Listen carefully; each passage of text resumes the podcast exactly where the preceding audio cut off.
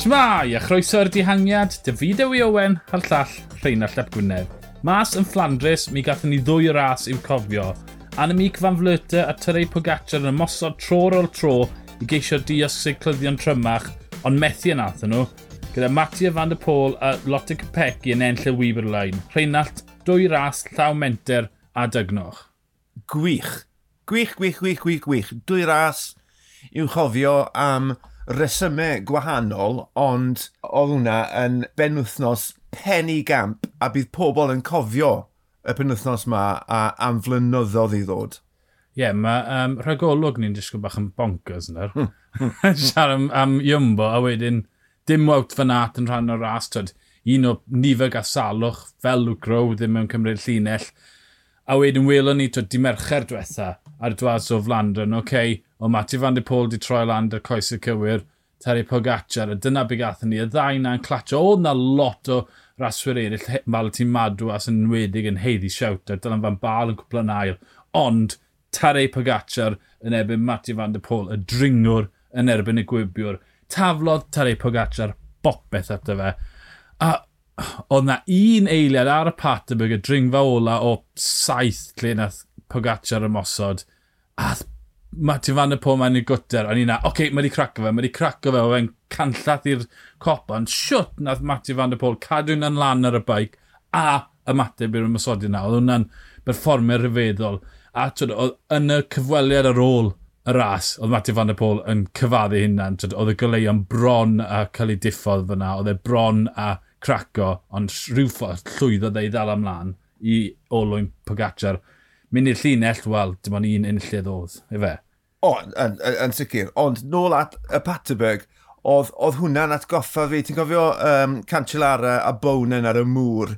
Mm -hmm. Reit, nath Cancellara, nath e dorri'n rhydd, ond ti'n bod y staccato oedd ar y curiadau tu ôl ar Bonan yn mynd bang, bang, trial, trial, trial. Dyna beth oedd rhythm Vanderpool, ond fel wedys di, rhyw fodd, nath e ddal mlaen a wedyn ni, dros y Paterberg, a ti jyst yn meddwl, right, nawr, siwt mae Pog yn mynd i ennill, a y diweddglo na, beth nath Van der Pŵl, bo, fi wedi gwylio hwn drosodd a throsodd, fi wedi darllen hwn a'r llall yn dweud beth ddigwyddodd i bar nhw, fi wedi gweld fideos am y peth. Yn y diwedd, oedd Van der Pŵl yn genius beth nath ei wneud nath e wario fe mor cool. Ti'n modd, ti o fewn tafliad carell i'r linell derfyn, mae da ti'r beiciwr gorau yn y byd ar dy ôl rwy'n di. Mm -hmm. Mae da ti doi beiciwr tu ôl sydd yn taranu lawr yr hewl tuag ato ti, ond ti dal yn wario fe'n cool, a mae da ti plan, a nath e weithio mas. Oedd e yn rhyfeddol beth nath e wneud. Y peth cywir i wneud. Matthew van der Pôl, mae e gyda'r cyflymau yn y byd. Terry Pogacar, er o'n i wedi gol cyffroi, i gweud, tyd, o, allai fe gyr fe os mae'n i bwrw'r wal yn hollol, ond tyd, Terry Pogacar yw e, dringo yw e. A fel ti'n madwas, dyna fan bala, wel, ti'n ddim yn gyflym iawn. Felly, tyd, ti'n disgwyl o'r senario, oce, okay, mae fe'n lot cyletach i wneud pam ti wedi seiclo 265-270 km, a twyd, gant y cant, mae'n galed wneud y penderfyniadau hyn, ond twyd, yn oeredd, ti'n disgwyl y tri tu ôl, dwywaith mor gloi yn nhw. Felly ti'n allu cael nhw i ddod reit lan i'r olwyn, oedd e'n dewis perffaith i Matthew van der Pôl. Twyd, Tari Pogacar, dyle Tari Pogacar di gwrtho gweithio gyda Matthew van der Pôl yr eiliad a gathau dros y pat.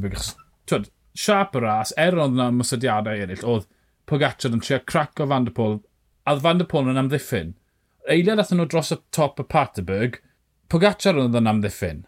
Felly, twyd, pam dyle fe wedi gweithio gyda Matthew van der Pôl? Mae Pogacar yn, yn superstar. Dyw cwpla'n hael ddim yn bwysig fe. Er, twyd, oedd e wedi siomi'n enfawr i gwplan bedwerydd. Ond petasau ni wedi bod yn, yn sgidiau fi, byddai wedi gwrth y gweithio fe, achos fi'n credu bod mwy o siawns gyda Pogacar ennill yn gwrth y ymosod, Madwas, wedyn Fan Bala, wedyn fe mynd, na un wrth un yn y ben Matthew Van der Pôl. Twyd, galed iawn wneud, ond dyna beth byddai wedi gweud os byddai wedi bod yn y car. Sa'n gwneud byddai'n neud y pan byddai'n seiclo. Sa'n so, meddwl mor glir yna. Ond, twyd, yr eilad athau e dros y Paterberg, oedd Pogacar yn... Wel, oedd Matthew Van Apol yn ffefryn anferth, yn dod e?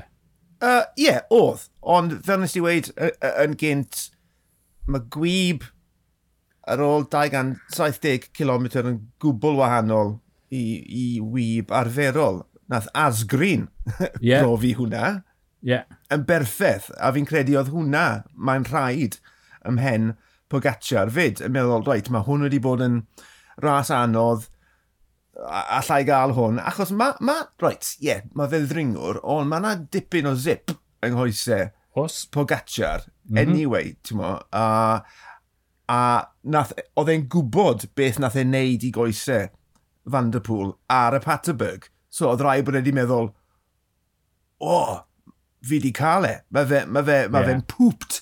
A mae rai bod y car wedi gweithio fe'n i glist e, achos o'n nhw'n watcho e ar y teledu, o'n nhw. A meddwl, ti di cael e, ti di cael e, ti di cael e. Felly, gweithio gyda'ch gilydd, bo, i, i gyrraedd y linell, i wneud yn siŵr bod ti'n cyrraedd y linell gyda'ch gilydd, i gael two-up sprint, ond yn gorffen yn bedwerydd. Ond nôl at Vanderpool, y ffaith bod e wedi aros llythrenol tal o'r eiliad ola, tan bod Madwas a Van Barlew yn swampo Pogacar cyn bod e wir na... Achos agorodd e, e ddwywaith. Mm -hmm. Agorodd e, a wedyn ni stopodd e to a edrych nôl just i wneud yn siŵr bod nhw reit ar dop Pogacar yeah. cyn bod e'n agor go iawn. A nes i weld shot o'r ofrennydd o'r diweddglo yna a sylweddol nes i oedd Pogacar actually yn mynd sianol, beth bynnag. Mm. Drwch arna ti yn hwnna to, wrth bod Van Barle a Madawas yn dod i'r chwith ar dde, oedd, oedd y bwlch yn agor ac yn agor, a fi'n credu rhyw fodd nath Pogacar ddefnyddio Van Barle fel rhyw fath o esgus. O, oh. oh, ti di spoil yng nghyfle i.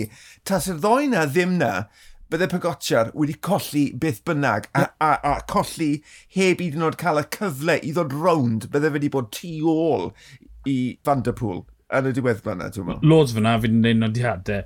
Rhyf un, cytuno, oedd e bod y car wedi bod yn glistau, oedd e'n siarad nhw dros cop ar y Paterberg, a ie, yeah, penderfyniad y tîm oedd e, ti'n gywir.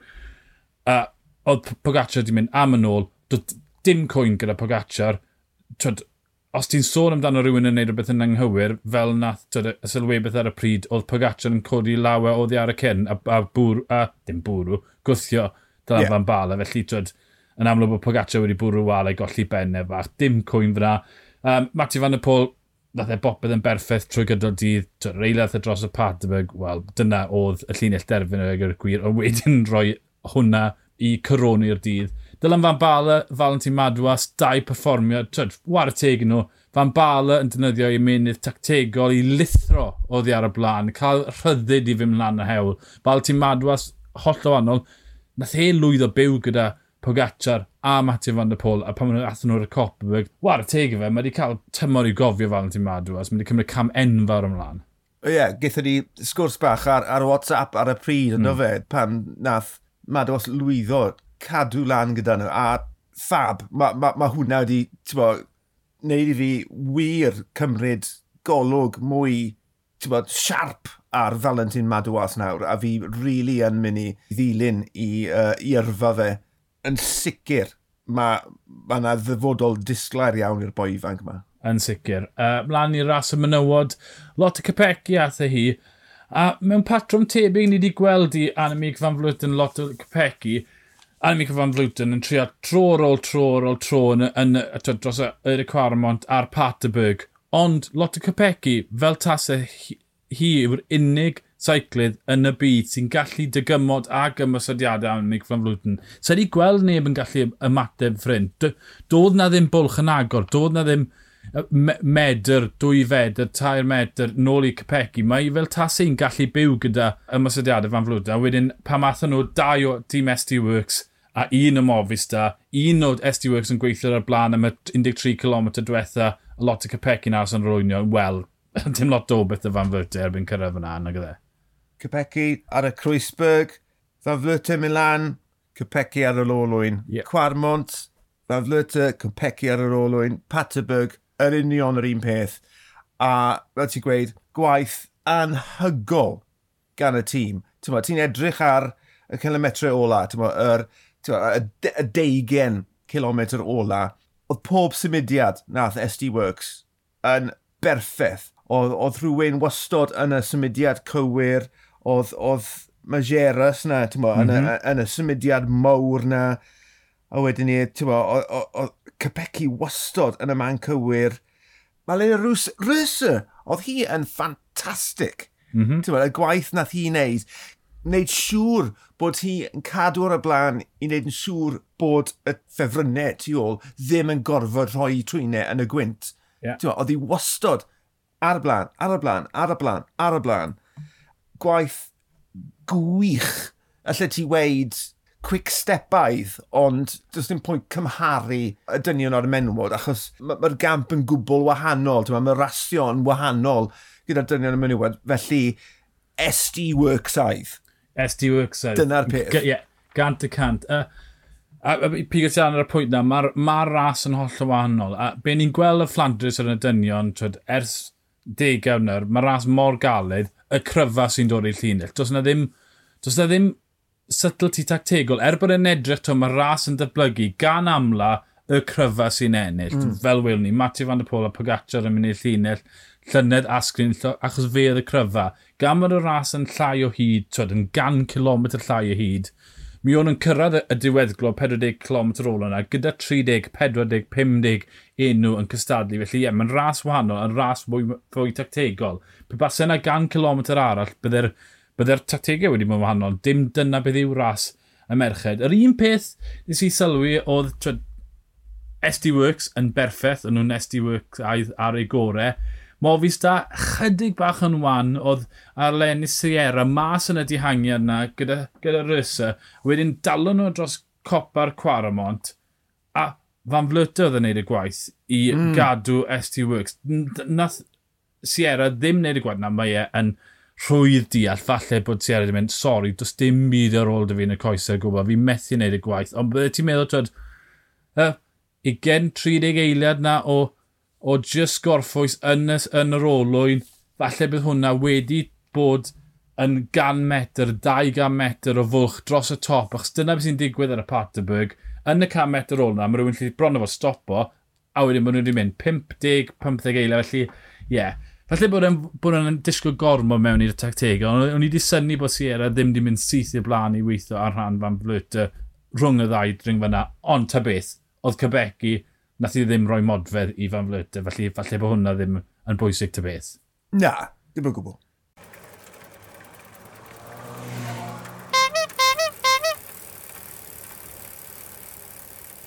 Mae'r raswyr cymalau mas yn y sŵliau yng Ngwlad y Basg, Geraint yn ei misg yn cystadlu yn erbyn Primoz Roglic, yn erbyn Jonas Fingago, yn erbyn rhan fwyaf o'r enwau mowr blawn Tadei Pogacar.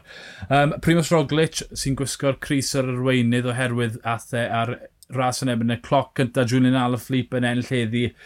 Um, ah, o ran geraint, mae e'n rhy gynnar yn tymor, mae e'n, mae e'n dim ond e, un pic mae'n lli cael yn y dymor yna, felly bydd e ddim yn cystadlu siwr o fod rhywun fel Adam Yes neu Dani Martinez, ond bydd e'n ddiddorol gweld y tîm eto, deiawd Quickstep, deiawd Unios, deiawd Jumbo, pwy eith yn drech a hi yn ei twliau.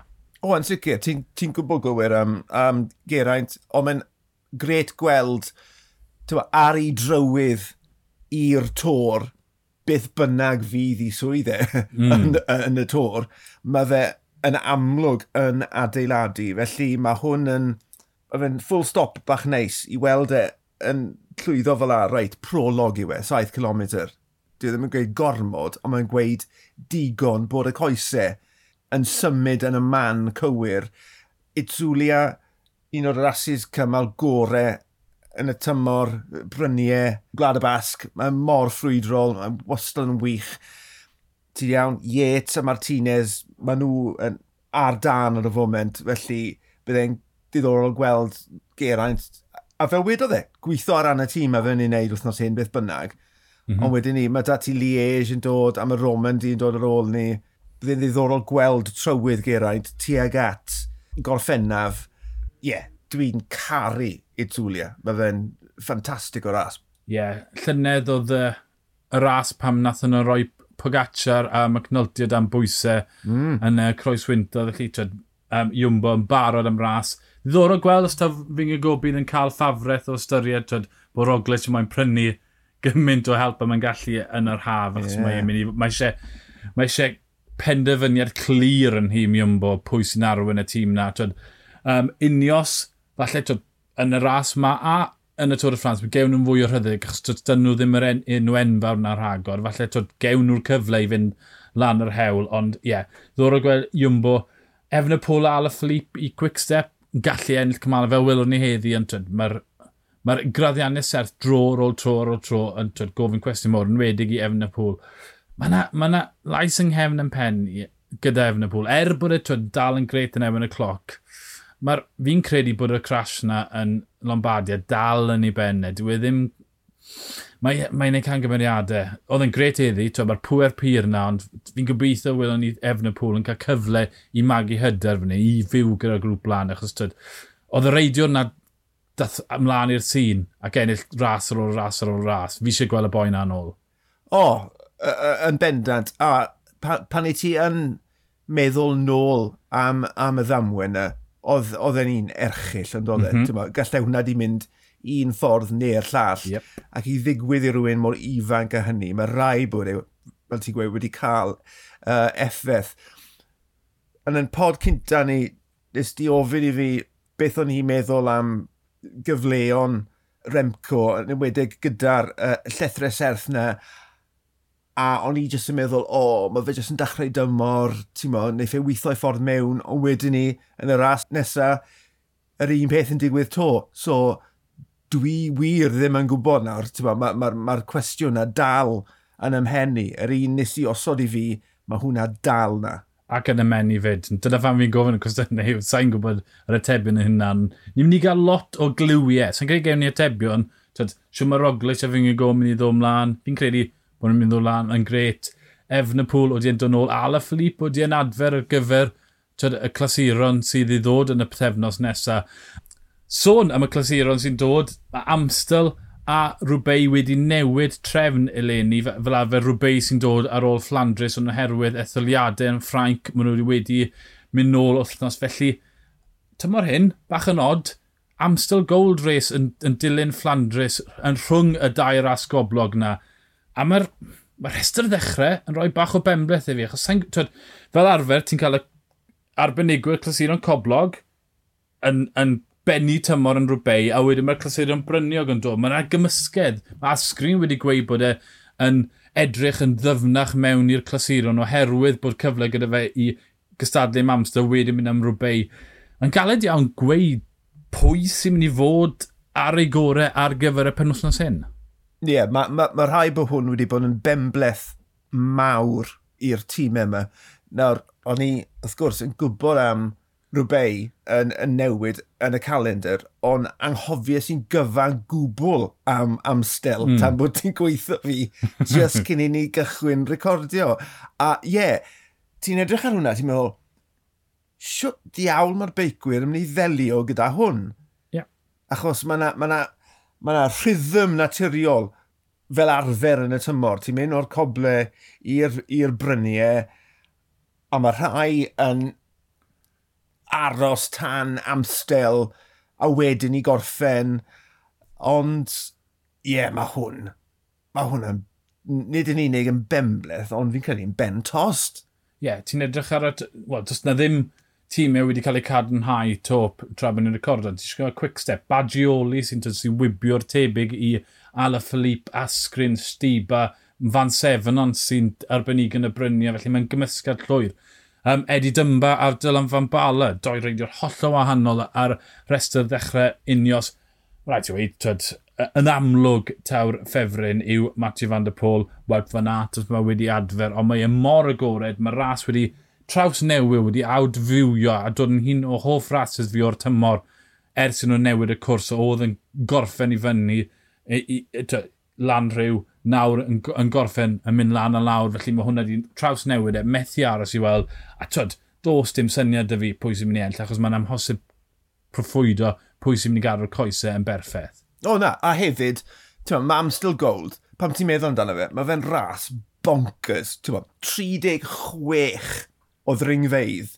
Mae hwnna nuts yn ei hunan. Ond ti'n gwbl gywir, mae'r ma newid y diweddglo, y ffaith bod ti ddim yn gorffen ar gopa'r cawbwg, mae hwnna'n agor y drws i gymaint o feicwyr eraill, a mae fe wedi trawsnewid natur y ras, oedd e arfer bod mor blinking boring, ti'n bo, o ti jyst yn gwylio 180 o feicwyr, jyst yn mynd round a round a round a round a round a round a round a round gyda'i gilydd a wedyn ni gwbl o ymosodiadau a wedyn ni, hwff bang, diwedd. Mae fe wir wedi dod yn fyw yn y blynyddoedd diwethaf yma. Ie, yeah, um, y ras y mynywod, llynedd, uh, tro cyntaf erioed oedd mwy o, o wylwyr i'r rases y mynywod yn, yn yr isildirodd na ras y dynion. Marianne Fos e, sy'n gwisgo'r rhif un, ond yr un peth to, mae, mae tîm SD Works wedi dod â'r tîm cymysg, dringwyr a arbenigwyr y cloble FDJ wedi disgwyl yn gret yn wythnosau diwetha gyda uh, Cecilia Triplodwig, Brody Chapman disgwyl yn dda Gracie Brown, sy'n siŵr bod Gracie Brown yn rason. mae yna ddigon o, o bobl yn dod mewn i'w cyflwr yna, felly addo ras go iawn fan hyn, a mae ddigon o gyfle i ymosod o be, bellter fan hyn. Edrych mlaen.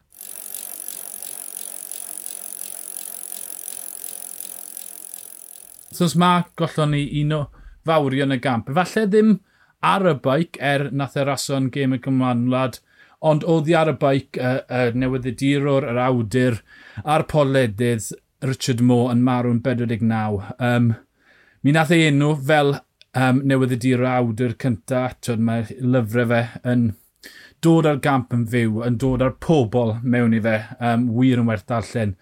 Ond hefyd fel podledydd, dechreuodd y Cycling Podcast a'r Rheinald, fi wir yn credu bydde y podlediad hyn ddim yn bodoli hebddo fe. O, e, e, heb os na goni bai. Ti'n bo, fi'n credu tawr, fel o cast oedd y podlediad seiclo cynta i fi i wir mm -hmm. wrando, ond y cycling podcast, i podcast e, hwnna oedd yr un nath wir agor y drws ac agor y galon at bodlediadau seiclo, oedd e, i fi, e, oedd e fel test match special seiclo. Yeah. E, oedd e ar yr un lefel a hynny. Bo, rhywbeth allai ti roi i unrhyw un. Bo, dim just fan o seiclo, allai ti roi cycling podcast i, i rywun a dim diddordeb yn y gamp, just achos bod cymeriadau yeah. diddorol, pobl a digon yn eu pennau nhw, um, y, y, y, y perthynas rhwng y cymeriadau a Richard Moore reit yn ei chanol i, y cadeirydd, y meirin fel petai. Oedd e'n gymeriad perffaith i, i arwen y podlediad yna a mae yna ma golled mawr yn mynd i fod ar ei ole. Mi oedd e'n adrodd stori ras, dim just yn adrodd beth oedd y gwyddoedd yn y ras, yeah. ond beth oedd y amgylch e. Fi'n cofio, fai mor bwysig oedd ei lyfrau fe i ddyfnhau beth oedd yn dechrau dod yn obsession dy fi. Slaying the Badger, Sef Stori, Bernard Uno, Greg LeMond, brawdladdiad mewn ffordd, a hefyd y tap sy'n sy llyfr, sa'i di darllen math na o lyfr o blaen, fel 21, wel, 21 short story o dde, amdano, yeah, yeah. 21 cymal, oedd e just, oedd dyfer gallu i ddod ar pobl mewn i'r ras yn hytrach na just, tyd, Cris glas yn ebyn Cris coch. Ie, yeah, gobeithio deith y Cycling Podcast nôl yn fi yn, achos mae'n golled enfawr ar ôl Richard Moore. Ie, yeah, newyddion trist ofnadwy. Byddwn ni'n ôl wrthnos nesaf i drafod digwyddiadau Amster Gold. Yn y fideo i Owen, a'r llall, Rhain y Llep Gwynedd. Ni yw'r dihangiad, hwyl.